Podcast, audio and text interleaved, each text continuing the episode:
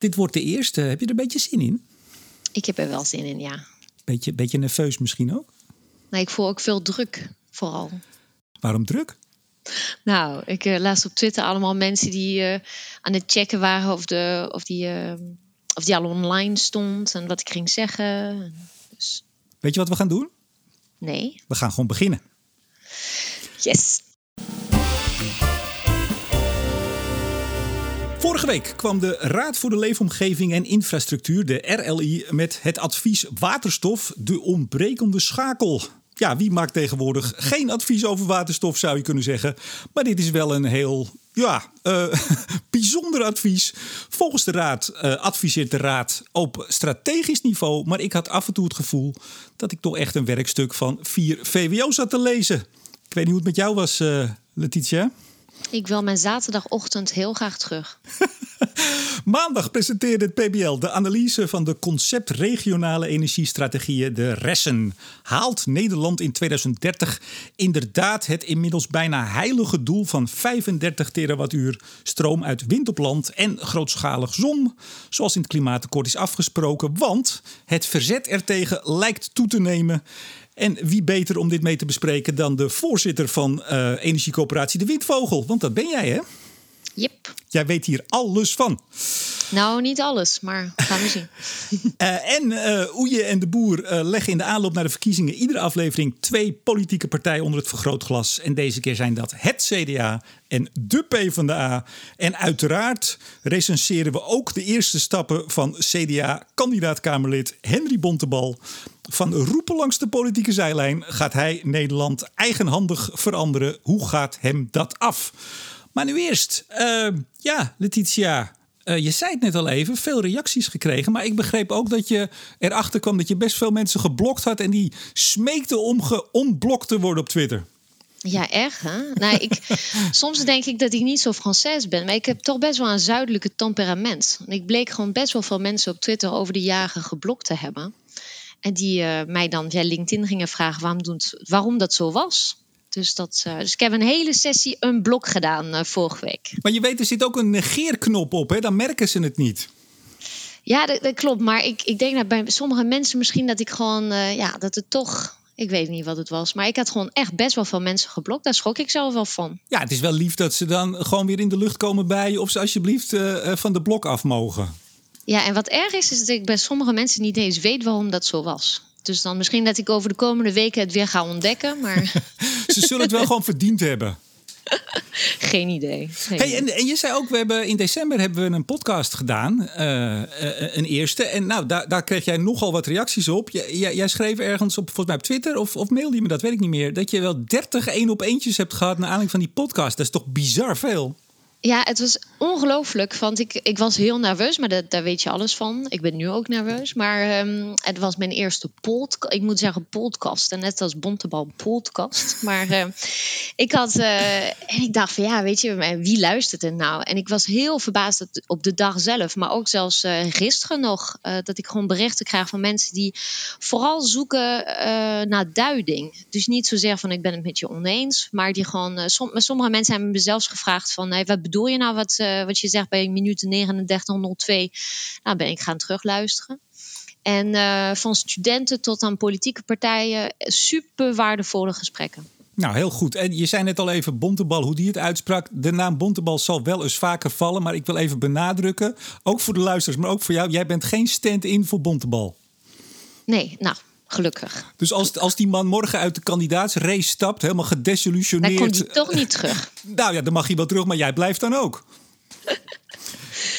dat toch even gezegd hebbend. hey, um, RLI-rapport, waterstof, de ontbrekende schakel. Nou, je zei het al kort en krachtig. Ik wil me, ik wil me zaterdagochtend terug of mijn zaterdag. Oh, ik dacht echt, weet je, ik, ik, er zijn dingen waar je echt naar uitkijkt. Hè? Als een beetje energie-nerd. En um, ooit had je het Energieraad, kan dat? Ja dat zijn de namen.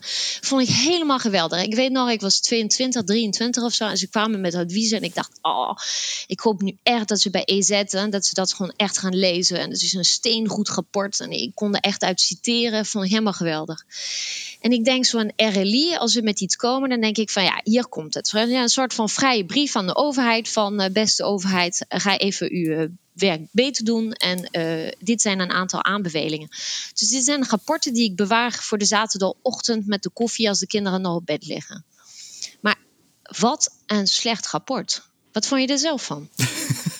nou, me dunkt, jij gooit meteen even een. Uh, nou ja, ik zei het al in de intro. Hè. Ik had af en toe het idee dat ik naar uh, 4 VWO een werkstuk zat te lezen. Maar even, laten we even bij het begin beginnen. Want inderdaad, in ieder geval een aantal mensen van de, de Energieraad, uh, zeker in de staf, die werken nu voor de RLI. nou ja, ik weet niet of je het mag zeggen dat het een opvolger is. Maar het zit in ieder geval wel in het verlengde hè, van de Energieraad. Die jou, door jouw bewonderde Energieraad. Ja, en daar uh, zitten raadsleden en die uh, doen gevraagd en ongevraagd advies. En wat mij nou opvalt, uh, ze zeggen zelf hè, strategisch advies, integrale benadering, lange termijn vraagstukken. En ik, ja, ik kwam af en toe passages tegen. Nou, laat ik dat zo zeggen. Eerst toch nog even voor de staf. Hè. 140 pagina's, heel veel werk aan verricht. Ja, daar moeten we echt mee stoppen trouwens, Remco. Dat elke rapport gewoon per se 100 bladzijden moet zijn. Dus daar word je toch wel moedeloos van. precies. En dat, dat speelt hij wel. Nee, maar ik wil even toch altijd een compliment geven aan de mensen die het gemaakt hebben. Want die raadsleden, nou, die doen hun werk. Maar de staf, die doet het, uh, het echte werk. Als je ziet wie ze geraadpleegd hebben. Er staat ook altijd in die RLI-rapporten achterin een waanzinnige lijst met mensen die ze gesproken hebben. Of dat een telefoontje was of uitgebreid, dat vertelt het verhaal niet. Vind ik ook altijd een beetje irritant. Maar goed, ze stoppen er heel veel werk in. Je kan in dit rapport ook heel veel lezen als je niks van waterstof weet. Hè? Nou, daar kan je best heel veel informatie vinden over internationale ontwikkelingen, noem maar op. Maar lange termijn vraagstukken, integraal, strategisch advies. Ja, en dat, dat is dit niet. Ik, ik bedoel, de, de ene open deur vliegt uh, naar de volgende. En ik zag nou ja, wat, ik, wat ik vooral moeilijk vind, nou, ik denk van, nou, uh, het is gewoon inderdaad een goede weergave van hoe het werkt en hoe de keten in elkaar zit en dat soort dingen. Maar ik zou denken dat er bij EZK deze basiskennis ondertussen over waterstof naar de zoveelste rapport wel uh, binnen is. Hè? Uiteraard, ja. Maar dan, uh, ik heb één zin van, ik dacht ik ga even een citaat even zoeken. En, en dat was deze. En, en ja, daar had ik echt zoiets van. Ha, de Raad signaleert een brede consensus over het idee dat waterstof een rol kan gaan spelen in het toekomstige energie- en grondstoffensysteem. en dan ja, Letitia, ja. En maar dan refereren aan het Hydrogen Council. Ja, ik denk, ja, natuurlijk vindt de Hydrogen Council dat er een het is toch geen. Je kan toch niet zeggen als raad van. Omdat we heel veel rapporten hebben gelezen. die allemaal zeggen dat waterstof een rol gaat spelen. Is dit voor ons de basis om te zeggen dat waterstof een rol gaat spelen? Maar weet je, daar kan ik nog wel mee leven. Van ik vind ook dat waterstof in de toekomst een belangrijke rol gaat spelen. Maar een van de aanbevelingen bijvoorbeeld. is dat ze vinden dat de overheid echt, en dat heb ik gelezen in het interview ook van uh, uh, Pallas hè, in de NRGA. Die heeft gezegd van. Ja, de wacht vraag... even, ho, ho, ho. Pallas ja. Achterberg, een van de raadsleden, en die bracht ook, die zat een beetje in de leiding van dit rapport. Hè? Die deed de interviews. Ja, en die heeft een interview gegeven aan NRGA. En ze heeft gezegd: de vraag verdient meer aandacht dan het aanbod. Wow. En, en ze geven als aanbeveling bijvoorbeeld van ga in je tender voor openbaar vervoer, ga gewoon waterstof meenemen, een soort van verplicht, zodat je vraag creëert. Ik begrijp het niet. Ik, ik las laatst ook in Groningen of in Drenthe dat er een van die andere stad was. Die had een uh, bestelling gedaan voor twee waterstofbussen. Terwijl ze de honderden elektrische bussen in de stad al hebben rijden. Waarom? Even, ik vond het ook wel een leuke. Uh, concluderend stelt de Raad, ik citeer, uh, stelt de Raad vast dat voor de energievoorziening van ons land, behalve energiedragers in de vorm van elektronen, ook energiedragers in de vorm van moleculen belangrijk zullen blijven.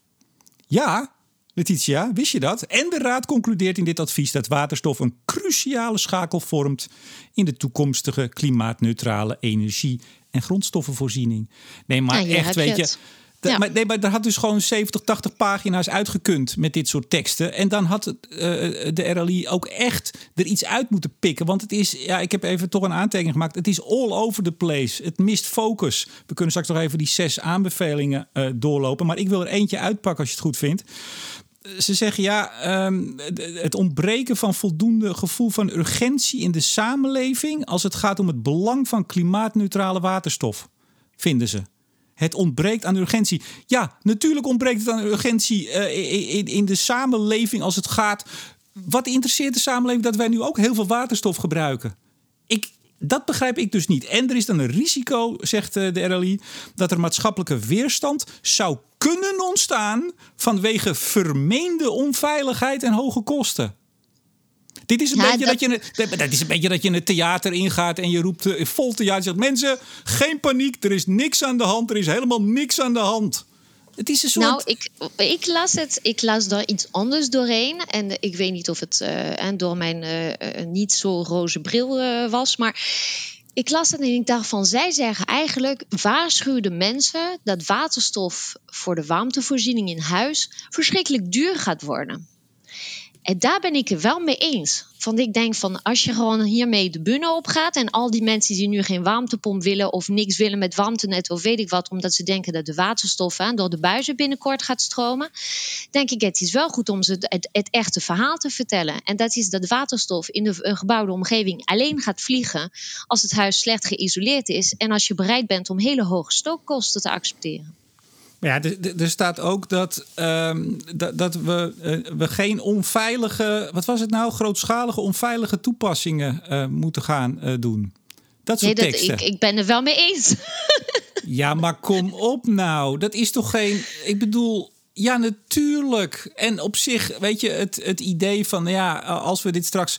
Overigens, wie zegt dat we dit grootschalig in de gebouwde omgeving gaan uitrollen? Dat is ook nog zoiets. Maar al, dat is, en dan, dan, staat er ook nog eens: de overheid moet daar budget voor vrijmaken. Ook, ook voor, voor dat soort dingen. En ik denk, nou, het is, ik, er zitten goede dingen in. Absoluut. Laten we nou, dat ook trouwens, zeggen. Ik hoor je zeggen van de, door de gebouwde omgeving. Maar ik weet niet of je vanochtend uh, eh, NRGA nog las. Maar uh, ik las dat Tenet nu ook aan warmteadvies doet in de, uh, in de gebouwde omgeving. Tja, dus dat, uh, nou ja, weet je, als iedereen zich zo organiseert, dan voor de kortste tijd uh, zijn we inderdaad gewoon genoodzaakt om uh, waterstof te gaan gebruiken in plaats van elektriciteit in de vorm van elektriciteit. Oh ja, ik heb hier nog een zinnetje. Wacht even, ik zal even kijken. Voorkomen moet worden dat er grootschalige toepassingen op de markt komen die onvoldoende veilig zijn. Nou, ik vind, ik vind dat niet het niveau van een strategisch adviesraad waarvan de leden worden benoemd door het kabinet.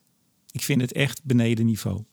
Maar ik ben nu heel benieuwd hoe EZ hierop gaat reageren. Is het K? Nou, ik denk, ik denk dat die zeggen: jongens, uh, we, we, we, hebben het een beetje koud hier. We hebben een mooie kachel. Deze kan erin. En dan hebben we het weer wat warmer. we stoken hem gewoon op. Ja, dit gaat gewoon op de stapel. Nou, ik denk dat het gewoon een beetje soort van uitfaseert. Hè? Na, de, na aanleiding van of, uh, richting de verkiezingen. Ik denk dat we daar niks meer van gaan horen. Of dat hoop ik. Ja, nou ja, ik, ik moet je ook zeggen, tot slot wat mij betreft. Ik heb vorige week uh, toevallig uh, contact met uh, de RLI gehad over een ander rapport. Rijk zonder CO2. Dat is een rapport uit 2015. Dat is een oude. Dat is een hele oude, maar dat is wel heel relevant. Want daar stond een advies in, namelijk dat wat de raad betrof... Ehm, aardgas in de gebouwde omgeving voor 2035 Nee, pardon, ik moet het anders zeggen. De gebouwde omgeving voor 2035 energie-neutraal moest zijn. Nou stond daar overigens niet bij wat energie-neutraal dan precies betekende. Maar het kwam erop neer, ja, uh, aardgas eruit. In ieder geval geen uitstoot meer uh, in de gebouwde omgeving voor 2035. En dat is de basis geworden uh, voor um, uh, een jaar later uh, bij de Nationale Klimaattop het manifest, de gebouwde omgeving, daar moest het gas uit. 2035, dat jaartal is een eigen leven gaan leiden. En in de research die ik nu doe voor het boek, spreek ik heel veel mensen die allemaal naar het rapport van RLI verwijzen. Dus ik heb contact gezocht met RLI, dat was al een tijdje terug. vorige week gesprek gehad. Waar was dat op gebaseerd? Was mijn vraag. Nou, ja, weet je, dat vind ik dus het gevaarlijke. Is de, nee, maar wacht even. Het antwoord. Het antwoord. Uh, eigenlijk nergens op, als ik het even heel kort samenvat. Ze hebben gewoon een stip willen zetten aan de horizon, uh, ruim voor 250. Dat werd 235. En ik heb echt. Uh, ik ben daar wel echt van geschrokken. Ik zei, ja, kan het dan ook 240 zijn of 38? Wat, wat ligt eronder? Wat zit eronder? Nou, eigenlijk niet heel veel. En uh, met die bril heb ik ook dit rapport toch wat gelezen. Uh, kijk, als ik een tussenkopje zie op pagina 20, waterstof als energiealternatief. Nou, dan gaan bij mij de rilling over de rug. Ja. Nou. ik, weet je, iets, iets wat mij uh, was op bladzijde 21, en dat is dan het laatste citaat uit het rapport, maar um, het staat van, hoewel het technisch mogelijk is om in Nederland een energievoorziening te realiseren die geheel is gebaseerd op elektriciteit, is de Raad van Oordeel dat een dergelijk systeem kwetsbaar is en daardoor te groot risico met zich meebrengt voor de Nederlandse economie. Dat vind ik nogal echt een steen in de vijver van de elektrificatie. Maar als je nadenkt dat het kabinet nog heel weinig aan elektrificatie heeft, gedaan. Een raad die dit advies geeft aan de overheid en dus ook eigenlijk aan het volgende kabinet. Ik maak me daar echt gewoon zorgen over. Nou, daar zijn we het eens. En dan gaan we naar het volgende onderwerp.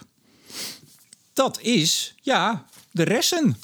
Uh, vandaag, wij nemen dit op maandag op, maandagochtend. Vandaag kwam eh, PBL met de Monitor Concept Res, een analyse, zo is de titel van de concept regionale energiestrategieën.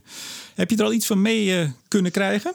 Nou, ik heb het uh, dus nog niet uh, gelezen. En dat ga ik zeker doen. Van wat je vertelde voor de windvogel uh, is natuurlijk de ontwikkeling van de resten extreem belangrijk.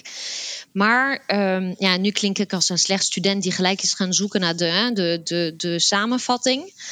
Maar ik heb een um, op Energia weer.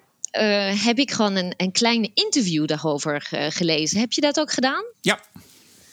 En ik las um, een, een, meneer van de PBL die daarbij betrokken was geweest. En die uh, vertelt dat hij uh, heeft uitgerekend van op hoe, hoeveel je uit zou komen in temperatuur in dat aanbod van de GES. En hij zegt van ja, ik heb dit vergeleken met uh, de KEF. En eigenlijk denk ik, het steunt mij dat we een aardige onderkant hebben van onze inschatting van het doelbereik.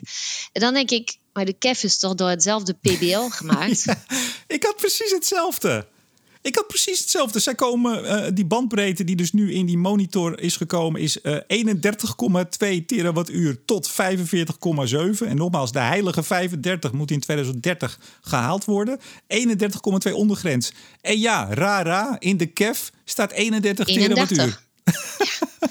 En dan zeggen ze die van, het steunt mij. En ik denk, ja, je bent gewoon een kamertje verderop gaan lopen. Je hebt gevraagd van, hé, hey, uh, nee, dit is, ik weet het niet hoor. Maar goed, misschien gaan we het later ook weer over de KEF hebben. nou, weet je, uh, kijk, weet je wat mij opvalt? Uh, en ik heb gisteravond nog even contact gehad met Martin Visser. Ja, de, de, de feiten- en cijferkoning van de Nederlandse energietransitie. Die had al op, ik geloof, 18 januari had hij een tweetje. En die zei, en dat, uh, nogmaals, ik heb gisteren nog even contact met hem gehad erover. Die zei, ja, weet je, ik, ik parafraseer hem hoor, dus dit zijn niet zijn woorden. Maar het kwam erop neer, ja, iedereen maakt zich zo ontzettend druk. Uh, en er is zoveel rumoer over die, die ressen. Maar als je kijkt naar wat er al vergund is, hè, wat er staat, wat er vergund is. Nou, daar heeft PBL natuurlijk ook naar gekeken in het rapport vandaag. Uh, dan, ja, dan, dan zijn we er al bijna. Al die commotie is eigenlijk niet nodig. Hoe kijk jij daar tegenaan? Ja, ik heb uh, grappig genoeg dezelfde discussie thuis gehad uh, een paar dagen geleden. Kijk, ik denk dat heel veel op, op, op hoe noem je dat, automatisch piloten gerealiseerd gaat worden. Alleen al als je kijkt dat je gewoon de molens, hè, die einde map molens, als je die gaat vervangen, dan vervang je ze gewoon door twee keer zoveel, zo niet drie keer zoveel qua vermogen. Dus daar gaat een heel groot deel van, van het doel uit gehaald worden. De. Repoweren ja, repoweren. Daar zit echt gewoon, uh, weet je, clusteren. Als je ziet wat wij bijvoorbeeld met de, uh, de, de windvogel in Zeewolde doen, hè, met een hele grote uh, consortium van, van agrariërs. Ja, je gaat van, wat was het, 220 molens naar 83 molens. En je gaat gewoon meer, meer op produceren. Dus dat, daar zit gewoon echt een toekomst in. Ja, en voor elke extra molen die je gaat plaatsen. Iedereen is zich helemaal rot geschrokken van de situatie in uh, Amsterdam. Maar dit is niet zoveel anders dan wat ik meemaak in Utrecht. Het gaat gewoon knokken zijn voor elke windmolen die je plaatst. Ja, maar is het nou nodig dat knokken? Want toch even uh, uh, Martiens uh, tweetje. En ik heb ook wel eens zelf met, met mensen van NWEA en Holland Solar zitten rekenen aan... Ja, hoeveel is er nou nog nodig voor die 35 terawattuur? Overigens, wat vind jij van, van zo'n hard getal noemen? Nogmaals, ik noem het het heilige doel, maar het lijkt het ook wel geworden. Wat vind jij daarvan? Het zegt mensen toch helemaal niks. Nee, maar dat het, dat het zo. Kijk, wat je ziet nu in de, in de, in de gemeenteraden en, en, en overal. Ja, we moeten het halen. De 35. Ik bedoel, als we nou op 34 uitkomen of 33, is dat nou zo'n drama? Ja, voor mij ook goed. Kijk. Voor mij ook goed. En het, uh, weet je, maar je moet wel, uh, als je begint met een, met een laag getal, dan wordt het altijd minder. Dat heb ik gezien in een paar uh, plekken waar je bent. Of je hebt een hele grote park gepland. En vervolgens ga je in gesprek met de omgeving. En blijkt dat de planschade zo verschrikkelijk hoog is. Voor dat ene of twee molens te veel. Die te dicht bij de woningen gaan komen. Ja, dan moet je die gaan schappen. Dus je begint met groot. Je gaat kijken en je gaat doorrekenen. En je gaat doorrekenen met slagschaduw en met geluiden en dat soort dingen. En dan kom je tot een realistisch getal. Dus ik, ik schrik niet zo van de getallen. Nee, maar als je ziet dat we dus al uh, in de KEF, die is in oktober uh, vorig jaar uitgekomen, dat, dat nam alles mee tot 1 mei vorig jaar. Dus die hele resten zitten daar niet in. Dat, dat schrijft PBL nu ook, hè? Dat je al aan uh, realistisch aan 31 terawattuur komt. Daar hebben we nog negen jaar om daar wat meer bij te maken. Die 4 terawattuur, ik heb even zitten rekenen nog gisteren, dat als je dat helemaal in wind zou doen, nou dat is niet de bedoeling, maar stel, heb je het over 300 uh, huidige moderne turbines. Nou, dan kan je zeggen, we doen, uh, we doen er 150 en we doen een, een deel wind. Kom je op, nou even slag in de lucht, 1000, 1500 uh, hectare zon. Laat het 2000 zijn, orde grootte. Als je dat verdeelt over 12 provincies, dan, waar hebben we het dan nog over? 15 windmolens per provincie? Nog niet eens en nog wat hectare. Ja, totdat, Nou, je, totdat je gewoon, uh, zoals ik nu met een coöperatie, probeer die windmolens te realiseren. Ga maar kijken in Utrecht. Nee, tuurlijk, het is niet makkelijk. Maar het is niet, je, we Nee, praten niet over. nee, als je eens. af en toe de beelden ziet, ook het AD wat dan weer bericht, dan lijkt het of, of heel Nederland weer vol komt te staan. Eh, ik bedoel, ik bagatelliseer het zeker niet. Maar hoe komt het, denk jij, dat er zo'n ontzettende eh res, eh, ja, hoe noem ik het bijna? Res, dwang en drang is opgekomen? Ja, weet je, het is echt Frankenstein, we created a monster. Hè? Je, je gaat gewoon een hele bestuurlijke eh, proces ga je eigenlijk inrichten. Um, je gaat opnieuw een soort van half participatieproces. Van het is geen participatieproces en er is gezocht naar zoekgebieden met echt uh, uitverkorenen. Dus het is, het is niet hè, dat iedereen mee, uh, mee kon praten. Um, ik heb dat hele rest niet helemaal begrepen. Wat ik wel begrepen heb en wat ik echt gewoon heel charmant vind, is dat uit de resten is komen te staan dat je 50% lokale eigendom moet hebben voor al die molens waar we het over hebben, die, die echt heel moeilijk tot stand gaan komen. Dus je gaat ervoor zorgen dat de omgeving profiteert. Ook voor de zonneparken. Nou, dat vind ik echt heel goed. Van als je Maar langs lastig, de A16 hè? Dat, ziet. dat- ja, maar dat blijkt dus heel lastig in de praktijk nu. Waarom? Nou, dat hoor ik. Dat ook de, en, en de, ook de subsidiemogelijkheden, dat past daar niet bij. Ik zag nog uh, Siewart Zomer, jouw voorganger, uh, zag ik vanochtend nog een tweetje van. Uh, die reageerde op iemand die dat punt aanhaalde. Dat uh, bijvoorbeeld de SDE vooral is ingericht op, op bedrijven en niet zozeer voor coöperaties om daarin Ja, in als te stappen. coöperatie heb je met de SDE te maken met het feit dat je een bepaalde percentage van, van het bedrag wat je nodig hebt voor het aanvragen van, sorry, voor het bouwen van het park, die moet je op je rekening hebben staan op het moment dat je de SDE aanvraagt. Hm. En dat is nogal een, blokkade. Want eh, bijvoorbeeld als. Um, we werken samen met een coöperatie in Vlaardingen. En uh, wij willen als Windvogel willen wij samen dat windpark gaan ontwikkelen in Vlaardingen. Nou prima. En die coöperatie die moet er nog helemaal inkomen. Die moet nog leden werven. Die moet nog uh, kapitaal uh, uit de leden via participaties verkrijgen. Um, en op een gegeven moment dachten wij van we gaan terug naar RWO. Van de SD staat op de naam van de Windvogel. En eigenlijk zou je willen dat de SD komt op de naam van de beide partijen. Zodat de lokale coöperatie ook gewoon naar de lokale omgeving kan laten zien dat ze echt iets in handen hebben. En niet alleen uh, handtekeningen van ons onder een overeenkomst.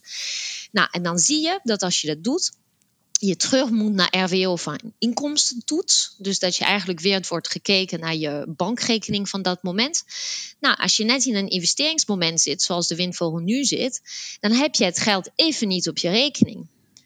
En dan eigenlijk kan je geen hertoets vragen van de SDE, van dan heb je kans dat je die kwijtraakt. En dit soort ja, stomme systeemfouten, zeg maar, in het, in het hele, hè, de manier waarop we het georganiseerd hebben, die werken echt niet in het voordeel van coöperaties. Maar is op te lossen?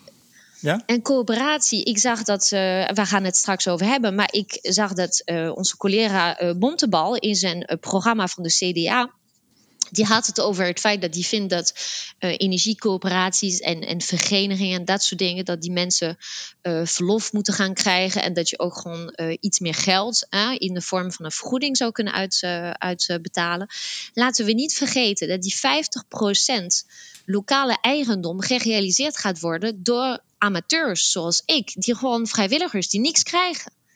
Ik werk 12 uur in de week voor de windvogel en ik vind dit, gewoon helemaal niks voor. Mm Elke bestuursuur is tegen 0 euro. Dus je moet je wel afvragen, ja, hoeveel van dit soort mensen ga je nog vinden die dit willen doen?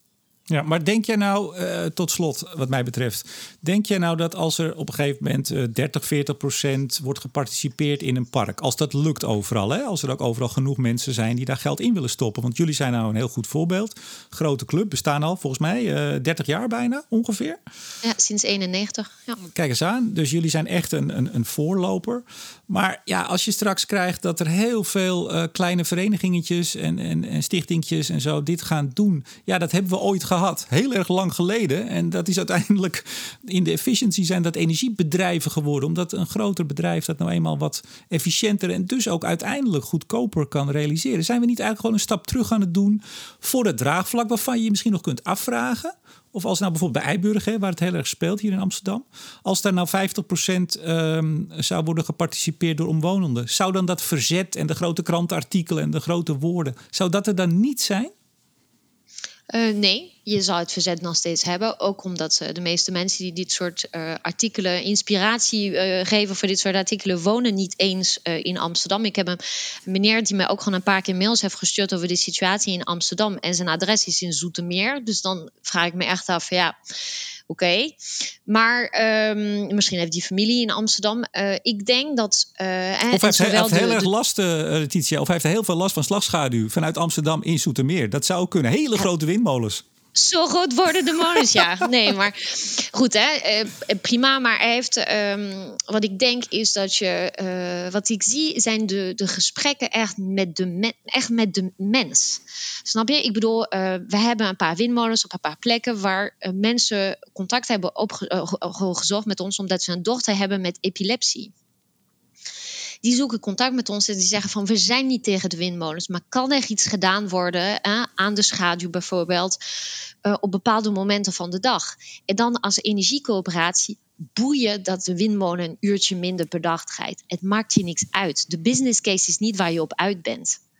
Mijn leden verdienen meestal, wat is het, op hun participatie anderhalf, ja, ik denk dat ze anderhalf procent krijgen per jaar ja, weet je, what are we talking about? En dan heb je nou, zo'n meer dan ik op spaarrekening in ieder geval. Ja, maar ja, precies. Maar dat, dat zijn niet de 6 of 7 procent aan waar je ergens anders zou, zou kunnen krijgen. Maar onze leden die zeggen van het maakt ons niks uit wat voor rendement we draaien. Maar zorg ervoor dat de mensen die om de windmolens heen uh, wonen, dat zij gewoon profiteren, maar dat ze ook mee kunnen praten over dit soort dingen. Ja. Dus ja, je zal uh, gewoon in het Parool of het AD gewoon grote artikelen houden. Maar het gaat mij erom dat de mensen, de, de, echte mensen die daar wonen, dat je daarmee in gesprek bent gegaan. En dat je alles uit de kast hebt gehaald om die ene echt hele vervelende windmolen, die toch veel te dicht op de woningen komt, om die te schrappen uit je plannen. Of dat je gewoon in gesprek gaat over ja, het uitzetten van de molen enkele uren per dag.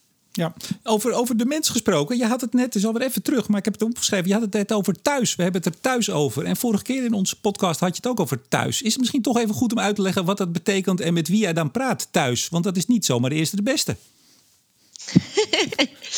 ik praat, ik zeg altijd, ik ben, uh, ik ben verloofd echt al drie jaar, maar goed, dat maakt niks uit. Ooit komt daar iets uh, van. Maar ik ben verloofd met de grootste energie-nerd van Nederland. Echt. Kijk. En mensen die denken altijd van, oh, wat weet zij van? Ik weet echt de helft. Ik word gewoon de hele tijd ook gewoon geconfronteerd. Weet je, als, als hij zegt, heb je een rapport gelezen? Soms zeg ik, ja hoor, heb ik doorgenomen. Hij heeft hij een hekel aan.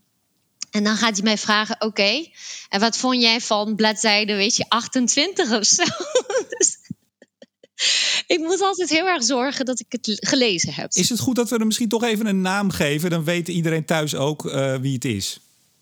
Oké, maar we geven hem zijn echte naam of gaan we hem nu in de podcast de man van noemen? Oh, dat mag ook, de, de man van. Maar in ieder geval de man van. Volgens mij, ik heb jou een keer je cv gekeken toen wij uh, onze eerste podcast hadden. Hebben jullie elkaar dan leren kennen bij, bij Nuon vroeger? Bij Nuon, ja. ja. ja dus Ruud, dat is al heel lang geleden. Met een T, Ruud met een T, dat was ooit mijn baas bij Nuon. Uh, die heeft me ooit aangenomen. En is daar ook al de liefde uh, op gebloeid? Ja, nou, nou ben ik even. Niet. Oh. Nee. Oh. nee, nee. En iedereen die bij mij, eh, met mij bij Nuon heeft gewerkt, zou je vertellen dat we echt ruzie hebben lopen maken, echt negen jaar lang non-stop. Ja. We waren het nooit met elkaar eens. Nooit. Ja, maar dat was omdat jullie heimelijk al uh, diepe gevoelens voor elkaar koesterden. Nee? Nee, totaal niet. Ik was gewoon heel gelukkig getrouwd en ik had uh, twee lieve kindjes. En dat was absoluut niet het geval. Nee, het is echt jaren daarna toen we allebei weg waren. En uh, ja, dat we ineens uh, ja, toch ontdekten dat, dat er gewoon meer was. Maar ehm, nee, dus ja, en daar woon ik nu mee samen sinds 2000, ja, wat is het, 2012, 13. Ja. Nou, beste luisteraar, u hoort het ook voor de betere roddels en het privé- en storywerk. ook hier bij uh, Oeje en de Boer. Ja, we gaan weer voor een prijs voor de beste podcast, toch? Dus nee, dan, abso uh... nee, absoluut niet. Niet nomineren, ik zeg het vast. hey, we gaan door. Um, Ja, bontebal en, en de verkiezingen. En uh, ja, ik zei het al in de intro natuurlijk. CDA en PvdA, die leggen wij eens even onder het vergrootglas. Uh, jij bent van de PvdA, dat moeten we er wel even bij zeggen. Ja, maar ik mag weer niet stemmen, want ik heb weer geen paspoort gekregen. Dus ja, maar ik ben lid van de PvdA en ik geef elke maand en uh, bijdrage aan de PvdA. Ja. Ja, hey, maar even, want jij, jij twitterde laatst ook dat je, uh, je was naar de ambassade. Je kwam er volgens mij ook achter dat je kinderen niet, niet Frans zijn. Nee, mijn kinderen zijn echt hartstikke Nederlands. Ik heb ze nooit opgegeven in, uh, in uh, of aangegeven, hoe zou je dat? Nou, ja? uh, gewoon aangekondigd in Frankrijk. Maar ik heb, ja, ik, ik leef een beetje een rare bestaan. Van ik heb een Frans paspoort, maar ik wil heel graag de Nederlandse politiek in. En daarvoor moet ik een Nederlands paspoort krijgen. Maar de nationaliteit krijg je alleen als je zo'n examen doet. En het examen heb ik ooit behaald, maar heel lang geleden. En ik heb gewoon verzuimd om het tweede deel van het examen te doen. En ik heb nu echt geen zin om nog een keer door de hele procedure heen te gaan. Ja, maar daar kan je de politiek niet in. Nee, precies. Dus ik denk dat ik toch eventjes nu met ogen op over vier jaar. Ik heb deze ronde wel gemist, maar over vier jaar. ga ik even op Joris een stoel zitten. Dan raak ik over vier jaar raak ik weer, uh, weer een podcast uh, co-host kwijt. Nou, dat is toch ook ja, wat? Komt Bontebal helemaal gedesillusioneerd terug. hey, even. Um, jij bent ja. PvdA. Nou, dan ga ik een klein beetje het CDA doen. Ik bedoel, ik, ik zeg dat er even bij, want ik word vaak uh, van... oh ja, hij en Henry, hij zal ook wel CDA zijn. Nou, dat ben ik niet. Maar het is natuurlijk wel leuk dat we alle twee even een klein beetje aan de kant gaan hangen... voor dit gesprek. Hoe vind je dat Henry het doet? Laten we daar eens even mee beginnen. De man doet debatten, schrijft opiniestukken. Even de algehele indruk. Nou, echt, uh, ik moet zeggen ik vind hem echt helemaal fantastisch. Ik, was, ik heb gekeken naar dat uh, VNPI-VNC-verhaal. En ik dacht nee, wacht, echt ho, wow. VNPI, dat is, was het verkiezingsdebat van de Vereniging ja. van de Nederlandse Chemische Industrie en de Petrochemische Industrie. Dan weten de mensen even waar het over gaat. En Bontebal die schitterde daar. Hè. Hij was uh, fenomenaal. Ja, toch? Ja, hij was ontzettend. Hij deed een soort van rekenkunstje, zo paf, uit de losse pols. Ik denk van, hoe vaak zou hij deze geoefend hebben voor de spiegel? Ik vond het echt helemaal geweldig. En hij was... Ja, weet je, ik, het is jammer dat er heel weinig in het programma echt van terug te vinden is. Maar misschien komt dat nog aan. Maar ik denk wel van, uh, ja, stem hem maar de Kamer in. Prima, van mij mag ja. het. Ja, maar nu even de programma's. Want uh, Joris Thijssen, je noemde hem net volgens mij al even. Hè? Uh, nou, Greenpeace-directeur tot, uh, tot eind vorig jaar. die, nou, die komt sowieso in de Kamer. Ik geloof dat hij op zes staat hè, voor de Partij van de Arbeid. Bontebal ja, vijf is, zes, ja. ja, Bontebal, het is nog even afwachten. Maar met wat voorkeurstemmen van de luisteraars van uh, Oeje en de Boer ko komt dat vast goed. Um, hoe vond je Joris zijn optreden? Poeh, ja, weet je, ik vind ja, ik vind het heel lastig. Want ik, um, ik vind hem echt, echt een top uh, Greenpeace-directeur. Uh, maar ik heb moeite als ik hem hoor zeggen: we dit en we dat. Denk ik van in hoeverre is dit de we van de PvdA? Dit is niet mijn we. Um, Nee, en ik heb even, en, de, ik heb even de, daar komen ze op de verkiezingsprogramma, het verkiezingsprogramma van de PvdA er ook naast gelegd. En daar, daar zit toch ook inderdaad wel wat licht tussen. Kan het misschien zijn, want overigens, uh, Joris zat daar op afstand. Hè? Die zat, uh, niet, was niet in de studio, die zat op afstand. Het is altijd wat lastiger om dan uh, mee te debatteren. Um, ja, misschien moet hij ook nog een beetje wennen. En, en had hij misschien nog een beetje uh, de Greenpeace pet op? Dat zou natuurlijk wel kunnen. Ja, maar ik kreeg nog een keer zijn kans in Trouw. Was, het was toch Trouw of niet? Ja. Of NRC van, uh, van de week. In dat twistgesprek met Henry. Nou, dat is ook niet echt uh, verzilverd. Nee, nee ik, ik, vind het, um, ik vind het jammer en ik vind het echt op afstand staan voor waar het. Uh, dit is echt een partij waarvoor ik gekozen heb met al mijn hart. En ik zit in allerlei appgroepen en ook in zo'n duurzaamheidsclubje en dat soort dingen. En ik herken niet de gesprekken die we daar hebben in wat Joris uh, poneert over de PvdA. En, en, daar heb ik straks als stemmer heel veel last van. En nou, ik mag sowieso niet stemmen. En ik zou alsnog voor de PvdA stemmen, maar wel met, met een soort van, ja, eh, toch wel, ja, ik vind het gewoon jammer. Ik vind het gewoon echt op het energieprogramma vind ik het jammer. En, um, en weet je, en ik denk van, ze willen bijvoorbeeld aan de, de kerncentrale vervroegd sluiten, de kolencentrales in 2025 sluiten. Ik denk, er werken heel veel PvdA-stemmers in deze centrales. En je kan ze wel groene banen garantie geven wat je wil.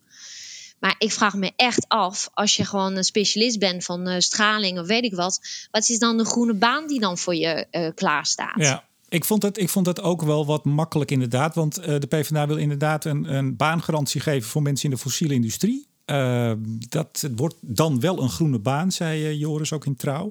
Ja, ik vond het wel uh, even een beetje schuiven met inderdaad die, die 50-jarige stralingsexpert... die dan vervolgens, of, of wie dan ook, hè, die, die dan maar even... Ja, wat moet hij gaan doen? Zonnepanelen? Woningen gaat isoleren of ja, zo. Ik, ik, denk, ik vond het, een, ik vond het ja. erg over de hoofden heen. Ik bedoel, de bedoeling is ongetwijfeld goed. Hè, van niemand gaat zijn baan verliezen. Maar ja, je, je, moet maar wel even kijken wat voor baan we voor je in de aanbieding hebben. Ik vond het een beetje raar. Maar ik wil even iets fundamentelers toch. Laten we even PvdA erbij pakken. Want ik ben daar, en dat zeg ik zonder uh, overdrijving, ik ben daar een klein beetje van geschrokken van het programma. Want... Ja, wacht even, Remco. Remco. Oh. Het programma is nog niet geamendeerd. Dus er zijn allemaal amendementen geweest, waarvan vijf van mij, die drie, drie die echt aangenomen zijn. Oh, en drie, die zijn nog niet het. erin verwerkt. Nee, maar, maar toch even. Ik kan, me niet voorstellen dat dit programma 100% op de schop gaat. Overigens, ik heb gisteravond heb ik nog gekeken. Ik heb jou nog een berichtje gestuurd. Kan ik het definitieve vinden? CDA heeft hem wel definitief staan. Uh, volgens mij is jullie congres ook al geweest. Dus nou, dat is dan een, een detail, maar toch ja, even. Het wordt, het wordt op dit moment... Ik heb gewoon contact gehad met de mensen die daarover gaan. En die hebben gezegd van het echt... Uh, we, ja, we hebben heel veel amendementen gehad. En die zijn we nu aan het, uh, ja. aan het verwerken. Ik kan me ook voorstellen... We hebben net een nieuwe lijsttrekker. Ik kan me voorstellen dat je heel even op adem komt. En dat je dan even een weekje later met je programma komt. Oké, okay, maar laten we even dan... Ik heb natuurlijk even de punten gekeken, de concrete punten. Maar als ik dan ook... Ehm, want even, laat ik dat er ook nog even bij zeggen. Wij hebben het hier natuurlijk alleen maar over de paragraaf energie-klimaat. Dat bedoel, je kiest een partij om meer dan dat. Dus wij verengen het nu natuurlijk heel erg tot deze paragraaf. Nou, dat, ik, snap, ik neem aan dat de luisteraars dat, dat snappen. Um, PvdA, uh, nou, het moet allemaal eerlijk zijn. Ja, dat vind ik altijd lastig, weet je. Wat, wat, wat een VVD eerlijk vindt, is, is wat anders dan de PvdA. Maar alleen maar roepen, het moet eerlijker. Dat, dat hoor je natuurlijk ook veel bij Milieudefensie bijvoorbeeld. Hè? Het moet eerlijker. Ja, oké. Wat dan? Hoe dan? Uh, maar staat we staan aan de vooravond, zegt de PvdA, van een revolutie. We hebben alles in huis om een revolutie tot een succes te maken. Onze generatie is aan zet. Een mooie, leefbare planeet voor onze kinderen. Uh, het moet eerlijk en fatsoenlijk ook zijn, het beleid. Eerlijk, of energie is in 2030 schoon en van iedereen. Weet je, dit vind ik echt NGO-speak ik vind dit niet een brede volkspartij die uh, regeringsverantwoordelijkheid wil gaan nemen. Ik vind dit echt, dit soort teksten, we komen zo op de maatregelen, maar dit soort teksten, dat vind ik echt helemaal niks. Ja, nou sowieso. Kijk, ik, ik irriteerde mij bij het CDA. Hebben ze dat, dat hele vage, opblazen, blauwe sofa... die ze overal in het programma hebben gepropt. als een soort van hippe poging tot. Ja, weet je, ze hebben allemaal hun stijl. En, en eh, eh, nou ja, prima tot daar aan toe. Nou ja, een opblazen sofa is wel even iets anders dan dit soort teksten. Kom op. Nee, dat klopt. Maar kijk, waar ze allemaal een beetje mee, uh, of waar de PvdA in ieder geval mee zit, en daar heeft Joris uh, de hele tijd het over. En dat is dat het er, er heerst een gevoel: de bedrijven doen niks, wij doen alles. En dat wil hij adresseren. En hij heeft het de hele tijd, als ik multinational was, dan uh, zou ik me zorgen maken. Maar hij heeft het de hele tijd over het feit dat de, de bedrijven die, die beuren van alles en die krijgen allerlei subsidies. En, en de, de man op straat, uh, zijn woning is niet geïsoleerd en is niet goed geventileerd. Nou, in de basis daar moet je iets mee, dat denk ik wel. En dat is ook gewoon een paar keer gezegd in het klimaatakkoord. Het klimaatakkoord zou niet sociaal genoeg zijn. Ja, maar ik vraag me af of gewoon de maatregelen daaraan uh, toe uh, bij gaan dragen. Want ik denk dat je dan straks zonder baan in je goed geïsoleerde woning zit. En dat je je afvraagt of dit gewoon dan eerlijker is geworden. Ja, en we, nou ja, we, we sluiten de kolencentrales uh, vijf jaar eerder, wilde PvdA. Uh, nogmaals, dit is dus even onder voorbehoud of dat allemaal in de definitieve versie uh, komt. Uh, ja, dat komt er wel, want ik, heb, ik, ik had die gewoon geamendeerd, maar het bestuur had het tegen geadviseerd. Oké, nou weet je, ik loop er even snel doorheen, maar even om een beeld te krijgen. Hè, want we hebben ook niet de tijd om natuurlijk urenlang hierover door te... Nou ja, hoewel, als we willen wel. Maar goed, kolencentrales per 2025 dicht. Dus dat is vijf jaar eerder dan nu besloten. Direct stoppen met de subsidie voor biomassa kolencentrales dat, die lopen nog even. Dus dat betekent dat je dat ja, letterlijk moet stoppen. Uh, lastig. Maar dan staat er punt 3 hier, heb ik. Het voortzetten van de salderingsregeling voor huiseigenaren. Nou, prima. Want er staat er ja. Uh, we, hebben geïnvesteerd in. Uh, of huishoudens hebben geïnvesteerd in verduurzamingen. En die moeten kunnen rekenen op een betrouwbare overheid betrouwbare overheid. Terwijl je dus subsidies voor biomassa, die wil je uh, tussendoor stoppen. Wat echt een hele rare maatregel is, als het al lukt. Als het bij de rechter uh, niet sneuvelt. En we gaan, terwijl is afgesproken 230 uh, de koolstraal dicht, halen we dat vijf jaar naar voren. En de mensen die er werken, die kunnen ook zonnepanelen gaan, gaan timmeren. Ja, Hoe kan je nou betrouwbare overheid... Dan, ja, je moet dan, dan denk ik echt... Ja ja, bij saldering, deze wordt echt aangepast. Daar gaan ze iets zeggen van dat het gewoon aangepast moet worden in iets toekomstproef. Hè? Dus dat je uh, niet in één keer de saldering weghaalt, maar dat je daar iets van maakt. Het argument gewoon... betrouwbare overheid. Daar gaat het mij om. Dat, daar ben ik het helemaal mee eens overigens. Ja, maar goed, wat ik denk is bij het sluiten van de kolencentrales. Ik ben heel erg benieuwd naar de berekening daarachter van hoeveel geld dit gaat kosten. Van de kolencentrales op dit moment, die draaien alleen maar bij de ratio van de, van de biomassa-subsidies. Want anders zijn ze totaal niet in de money. Dus dan, ik zou zeggen van ja, weet je, bij het wegvallen van uh, de biomassa-subsidie, dan gaan ze toch dicht. En nu ga je nog een keer ze vervroegd dichtgooien, waardoor je langs de kassa moet. Dit gaat gewoon klauwen met geld kosten. Is de, is de PvdA nou voor of uh, laat ik zo zeggen, voor of tegen Carbon Capture Storage, CCS. Ja, zegt Joris dan en staat in, het programma, dat is een tijdelijke oplossing. Maar gaat de PvdA, voor zover jij weet als PvdA-insider... gaat de PvdA in een nieuw kabinet mee in het uh, beschikbaar stellen van subsidie... omdat de komende 10, 15 jaar... want ook RLI in hun rapport pleit nadrukkelijk voor ook blauwe waterstof... dus met CCS is absoluut nodig, zeggen zij. Zegt vrijwel iedereen. Gaat de PvdA dat mogelijk maken? Ik, uh, ik ben geen uh, insider. Ik ben een insider van een lokale, of nou, dat niet eens trouwens, maar goed, ik lees mee met de lokale PvdA.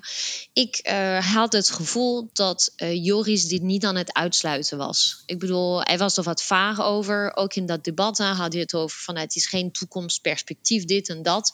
Maar of dat nou betekent dat hij tegen die twee of die drie projecten die op de rol staan gaat zijn. Ik denk niet dat dit een zwaarwegend argument zal zijn in een, in een coalitie. Maar vind je, laat ik zeggen, laat ik zeggen wat ik vind. Uh, ik snap dat een partij uh, die, ja, die natuurlijk wil gaan regeren, uh, die verantwoordelijkheid wil nemen, die zet zich af, die, die moet kleur op de, op de wangen krijgen en dan moet je een aantal dingen doen. Maar ehm, zou dit ook niet ervoor kunnen zorgen. Want hè, we hebben toch gezet: kolencentrales, biomassa meteen stoppen. Uh, ja, hallo, betrouwbare overheid.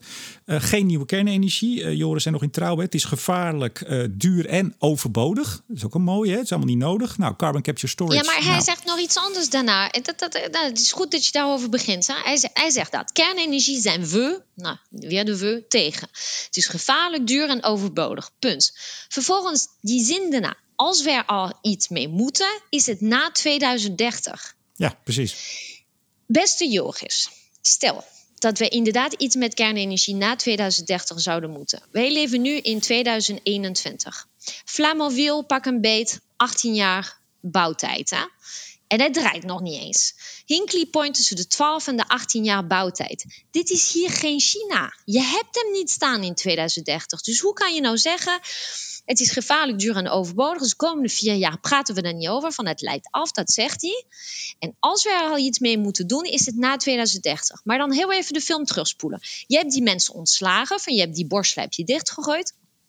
Alles wat je aan expertise in Nederland had, heb je hiermee uh, woningen laten isoleren en of op de daken gestuurd om zonnepanelen te gaan plaatsen. Met wie ga je deze nieuwe centrales bouwen als je daar na 2030 over wil gaan praten? Nou ja, ik denk dat je gaat zien, dat hebben we ook de afgelopen jaren bij andere partijen gezien. Je, je creëert allemaal ja, voorwaarden. Nee, je, je creëert een, een, speelveld waarin het uiteindelijk onmogelijk is. Het is nu al bijna onmogelijk. We hebben al heel weinig kennis meer in Nederland. Maar dat doe je inderdaad. Dus aan de ene kant zeg je, nou ja, ik sluit het ook niet helemaal uit. ChristenUnie overigens, dit weekend hebben ook een amendement is het doorgekomen dat ze het niet meer op voorhand uitsluiten kernenergie, maar dat terzijde. Maar inderdaad, Borselen moet zo snel mogelijk dicht, staat nu in het conceptverkiezingsprogramma PvdA. Zo snel mogelijk, liefst morgen dus. Is toch bizar? Ja. Nou, ik, ik, deze begrijp ik gewoon echt niet. Maar goed, de Zeeuwen hoeven zich geen zorgen te maken. Want PvdA gaat ervoor zorgen dat de Westerschelde tunnel tolvrij komt. Ah, kijk, dat is, dat is een goede zaak. Hier. Overigens misschien nog wel dus- even als disclaimer erbij. Jij zit in de veiligheidscommissie van uh, Borsel, hè, van de kerncentrale. Moet er even bij zeggen. ja. Dus jij bent in ieder geval. Maar ik vind, uh, ik heb geen enkele rol bij wat voor discussie dan ook over de toekomst van kernenergie. Ik hou me bezig met wat er allemaal in de afgelopen maanden of jaar gebeurd is. En of die uh, veiligheidsrapporten netjes zijn opgeleverd. En iedereen heeft gedaan wat hij beloofd had om te doen. Nee, maar ik dacht, zeg het even. Anders gaan mensen misschien op Twitter die zeggen. Nou, dat is toch ook wat die vrouw die zit daar gewoon bij borstelen. Logisch dat ze dat zegt. Nee, nee, meestal, meestal, Remco, dat heb je verkeerd. De meeste mensen die ik uiteindelijk toch geblokkeerd bleek te hebben op Twitter zijn mensen die vinden dat ik tegen kernenergie ben. En die sturen me altijd tweets of DM of uh, e-mails in hoofdletters. Kijk. Ja, dat, dat het maar duidelijk is. Hè? Hey, nog even twee dingen. Dan gaan we naar het CDA natuurlijk. Hè? Uh, Ehm, even nog, wat, ik, wat me ook wel opviel van de PvdA. Ja, nogmaals, ik, ik ben er echt een beetje van geschrokken. Dan staat er een alinea, uh, dus je hebt stimuleren groene waterstof. Nou, uiteraard geen gaswinning in de Waddenzee. Niet boren naar schaliegas. Daar heb je hem weer. Volgens mij gaan we tot in het jaar 2100 maar horen van de PvdA... dat we toch echt niet naar schaliegas mogen boren. Nee, dat gaan we niet doen. Daar hebben we een moratorium voor. Nou ja, anyway. Dan staat er onder het kopje zuinig omgaan met onze prachtige natuur daar staat dan wind op, uh, zon op daken en, en, en wind, et cetera. Dus oftewel wind op land, pardon, wind op land en zonneparken. Eigenlijk uh, nou niet, want we, we gaan zuinig om met onze prachtige natuur. Nou, dan, dan, dan die, die groene waterstof, ja, die gaan we op zee maken. En, en tot, tot, slot, er komt een heffing als het aan de PvdA ligt op het lozen van restwarmte toen dacht ik, nou, je zal maar een, een, een bedrijf zijn uh, waar geen uh, warmtenet in de buurt is. En dat zijn ongeveer de meeste. Wat, wat moet je dan? Ja, u hebt restwarmte. Ja, dat gaat nu het kanaal in. Ja, ik wil het wel kwijt. Ik wil het wel aanleveren. Maar waar dan? Nou, maakt me niet uit. U krijgt een heffing. nou, ik, ik weet je, ik vind. Um, ik, heb, ik heb echt veel sympathie voor kom op jongens, uh, we moeten uh, harder de overheid uh, aanpakken. We moeten ervoor zorgen dat er echt gewoon gedaan wordt wat wij gevraagd hebben. ik vind dat Henry moet stoppen met tegen Joris te zeggen dat hij niet getekend heeft bij het klimaatakkoord. Van als Greenpeace donateur had ik nooit gewild dat Greenpeace getekend had. Greenpeace moet zich vastketenen aan Letitia, kolencentrales.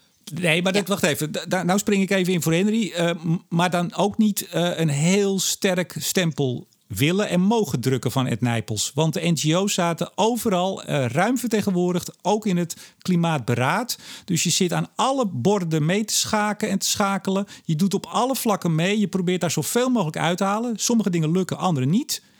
En aan het eind zeg je, nou ik vind niks. Maar je hebt wel heel veel binnengehaald. Dat is niet zo chic. Dan moet je of actievoerder zijn, vind ik. En zeggen, blijf aan de buitenkant. Hè. Milieudefensie heeft nu toch wel meer gezegd van nou, dat, dat moeten we eigenlijk niet meer doen. Maar je kan niet op alle borden tegelijk. Ja, het kan wel, maar ik vind dat nee, niet. ik vind dat Greenpeace gewoon buiten met de potten en de pannen had moeten slaan. Nou, oké. nou, maar er zijn meer mensen die dat doen tegenwoordig voordat je overgaat naar de volgende, uh, naar, naar de CDA, ik wil toch even zeggen over waterstof. Want het is toch, uh, Joris, die is heel erg pro-groene uh, waterstof.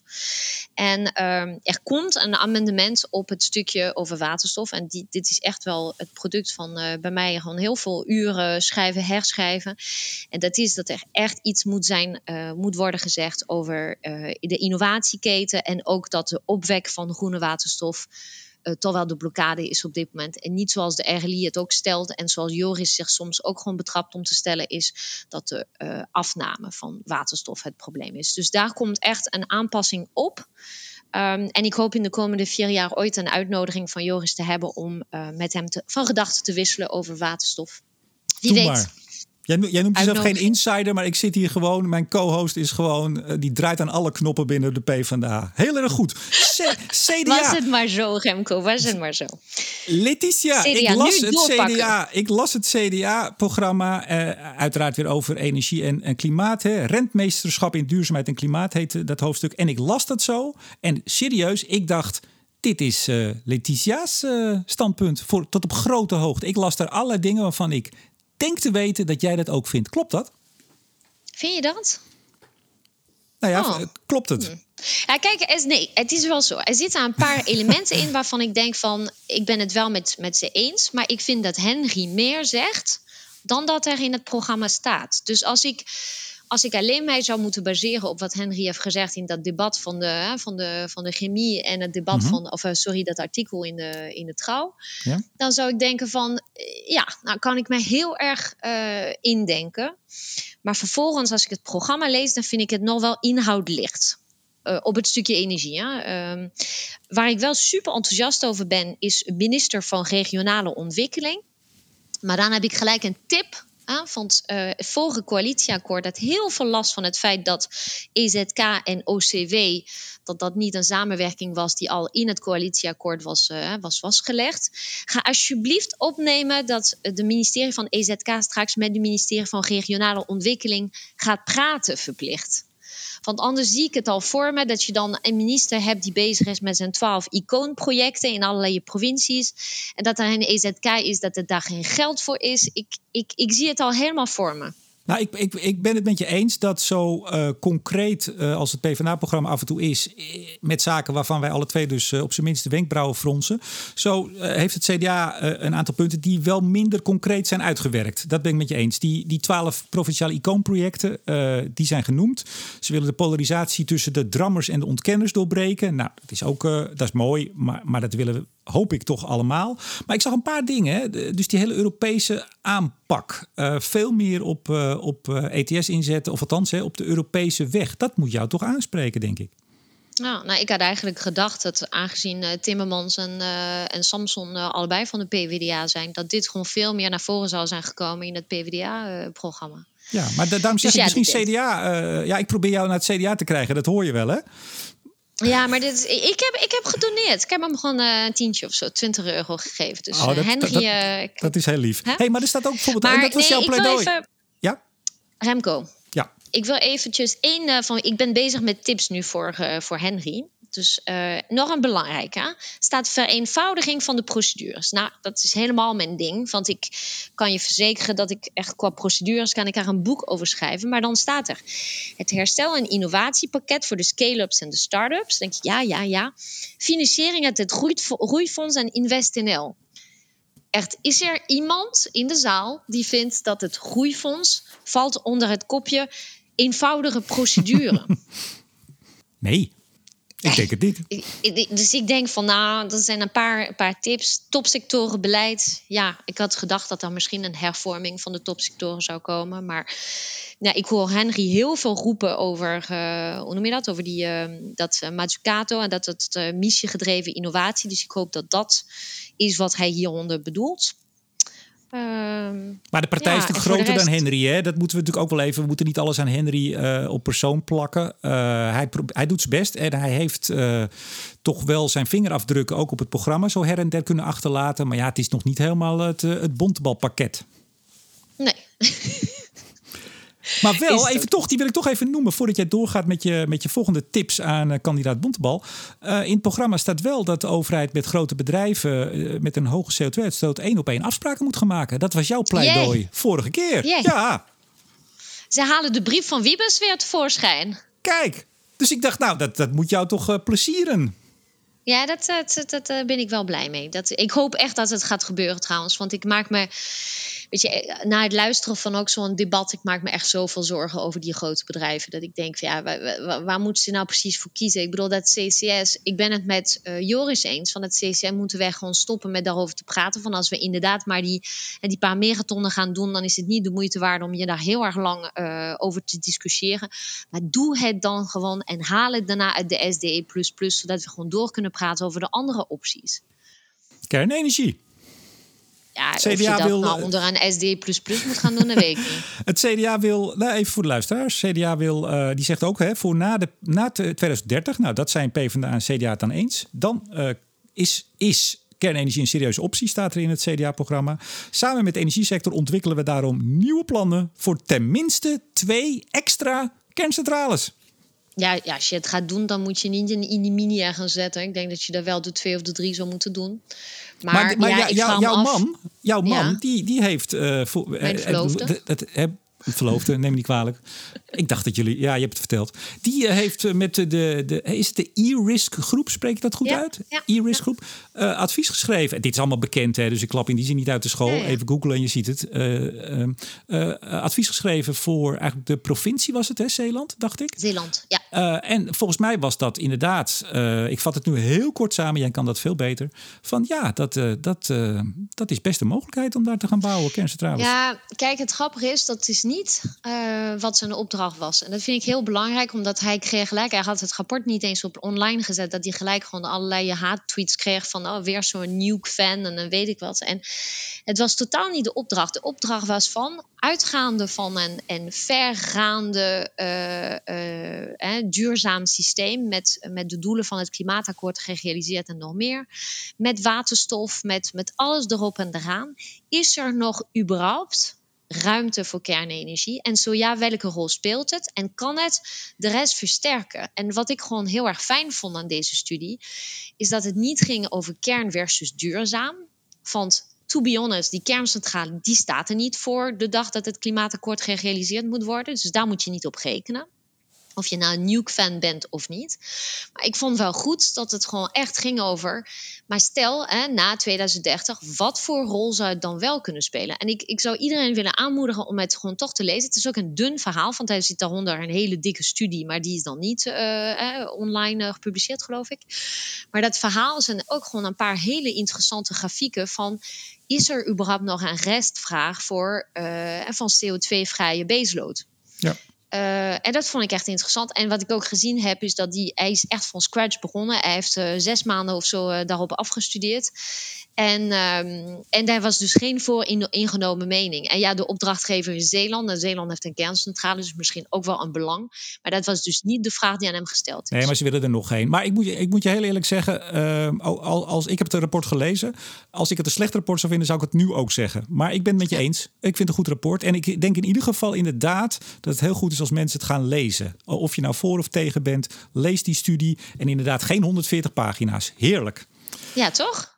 Met plaatjes. Met plaatjes. Ja, ook nog eens. Hey, CDA wil ook strenge bronmaatregelen. Nou, top. Hè? Voor auto's, apparaten, bouwmaterialen. Begin nou gewoon in je wet en regelgeving, toch? Ja. Scherp het aan. Ja, wat wil je nog meer? Ja, en ik, dat laatste over die, die grote windmolens en de omgeving raadplegen en dat soort dingen. Er was ook uh, gisteravond, geloof ik, hè, hadden zij samen met Johannes Debat, uh, ook van de CDA, hadden zij een artikel geplaatst. Ja, gede gedeputeerde in Zeeland. En in dat Zeeland. staat vandaag, of gisteren, als mensen dit horen, in trouw een opiniestuk van, uh, van Bontebal met uh, Debat. Ja, en ik, ik heb, uh, dat stuk heb ik nu uh, van, uh, ik geloof net voordat ik online ging, had ik van negen verschillende mensen ontvangen met snap je hem nou? Um, en ik heb gisteren ook een avond op Twitter aan, aan Henry verteld van ik snap hem niet. Het is dus geen kritiek, maar jongens, wil je alsjeblieft uitleggen wat je hiermee precies bedoelt? Misschien moet je eerst even zeggen, kort, want we gaan zo wel afronden. Um, wat, wat, schrijf, wat is de portée, wat is de kern van wat ze schrijven? Ja, dat, is me ook niet helemaal duidelijk. Maar dat zij gewoon staan voor de rentmeesterschap. En dat je dan op een andere manier de omgeving zou moeten meenemen. En voor het, de bouw van windmolens of zo. En dan vervolgens, als ik het erover doorvraag, dan zegt Johannes van ja, dat staat bij ons in de rest. Dan denk ik van ja, maar hoe is dit dus een nieuwe aanpak? Dus ik, het is geen kritiek, het is een vraag naar uitleg. Maar kritiek, daar zijn we dol op. We delen uit en we incasseren. Dat maakt helemaal niks uit. Volgens mij was hun oproep uh, eigenlijk tegen het verrommelen van het land landschap. Uh, hè, dat, en de landschaps- uh, of de Rijks, uh, hoe heet ze ook weer? De Rijksadviseurs hebben er ook voor gepleit. Die halen zij ja. ook aan. Hè, van, strooi dat nou allemaal niet als, als hagelslag door het land.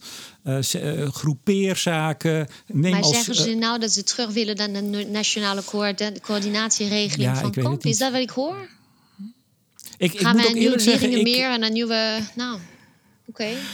Ik, ik, vond het, uh, ik vind dat Henry ontzettend goed aan de weg timmert. Want hij heeft al uh, opinies geschreven. Uh, ook met, hoe heet ze, Esther Lange, Europarlementariër in het FD. Hij heeft opinies in, in Trouw. Hij doet het heel goed. Hij is lekker bezig. Hij was fantastisch in het debat, vond ik. Ik vond dit niet het, het allersterkste, niet de allersterkste opinie. Heb ik hem ook gezegd, dus dat kan ik best melden. maar in ieder geval, ja, kijk, het is ook wel het argument van sommige tegenstanders van alle wind en zon. Hè? De verrommeling, dat moeten we toch niet doen. Dus doen we het anders. Bouwkernenergie, daar, daar, dat staat er niet. Maar dat is wel iets waar uh, de anti-zon-wind-lobby uh, gaarne gebruik van zal maken. Heb je nog een slottip voor uh, Bontebal? Oh man, ja, uh, hij, hij gebruikt zijn handen net als Hugo de Jonge. Wat is dit toch? CDH-handjes. Misschien dit is het wel ook in zijn familie. filmpje. Ja. ja, maar het is heel moeilijk. Heb, heb jij vaak filmpjes gedaan? Ik heb er wel eens wat gedaan. Je weet nooit waar je je handen moet laten. Dit is echt verschrikkelijk. Is echt verschrikkelijk. Nee, Henry, wij, wij plagen je, maar je doet het goed, jongen. Hij doet het hartstikke goed en die handen, dat, dat, dat komt goed. En hij zet er wel nadruk mee. Alleen als je te veel nadruk zet, dan denk je op een gegeven moment inderdaad... Uh, wat, wat zijn dat, die twee dingen? Oh, dat zijn handen. Grappig. hey, vooruitblik. Ja, we kijken altijd even vooruit. Heb jij nog leuke dingen de komende twee weken? Tot de volgende uitzending? Uh, wij gaan toch, uh, want net op het moment dat wij besloten hadden dat wij het over het RLI-rapport uh, gingen hebben, dan kwam dat andere rapport ineens. Ja, van een ambtelijke studiegroep onder de leiding van Laura van Geest. Uh, de, de chef noem ik hem maar van de AFM, uh, Autoriteit Financiële Markt. Daarvoor van het CPB. En die hebben een studie gemaakt over, ja, Europa gaat naar 55. En wat betekent dat? Wat kan dat betekenen voor Nederland? Ik heb hem uh, gescand. Ik vond het heel interessant. Uh, maar daar gaan we het binnenkort over hebben. Want vrijdag is er een sessie met haar uh, bij de Club van Nijpels. Oké. Okay. Oh, dan ga ik dat even, even voor. Ja, ik heb hem nog niet gelezen. Ik weet dat uh, Ruud thuis hem uh, gelezen heeft en hij was heel geagiteerd. Oh. Want het was de zoveelste studie waar er een uh, KEF-scenario is en een scenario klimaatakkoorden. En hij kan er heel slecht tegen. Hij zegt tegen mij van, nou, daar moeten we echt mee stoppen. Maar, um, dus ik ga hem lezen. Dus ik stel voor dat we het daarover hebben. En dan misschien kunnen we praten over D66 of zo, volgende keer. Ja, we gaan kijken welke partij misschien op dat moment uh, uh, ernstig in de aandacht staat. En dat het onze kritische blik vraagt. Overigens, die, die studie van Van Geest wil ik toch even zeggen, van die ambtelijke studiegroep. Wat ik er wel goed aan vind, toch vast even een sneak preview naar voren. Zij agenderen heel duidelijk het ETS, non-ETS verschil. En of Nederland nou, wat we eigenlijk nu doen, ons daar niks van aantrekken en vinden dat we gewoon ETS, niet ETS, een, een hogere reductiedoelstelling moeten, moeten invoeren. En alle problemen die je daar ook bij hebt. En misschien ook kansen. Of dat je zegt, nou, we laten het ETS het ETS, dat doet Europa. En wij concentreren ons op de niet-ETS-doelstellingen. Uh, uh, ja, ik vind dat verfrissend. En ik hoop dat dat debat veel meer gevoerd gaat worden. Want ook het PBL tot nu toe, uh, nou ja, ik zou bijna zeggen, houdt het een beetje stil. Heeft het er eigenlijk nooit over. Dat vind ik niet een sterk punt van het PBL. Nou, ik zag dat het maar 90 bladzijden is deze keer, dus ik sla me er wel doorheen. En, dat wordt weer een heerlijke zaterdagochtend.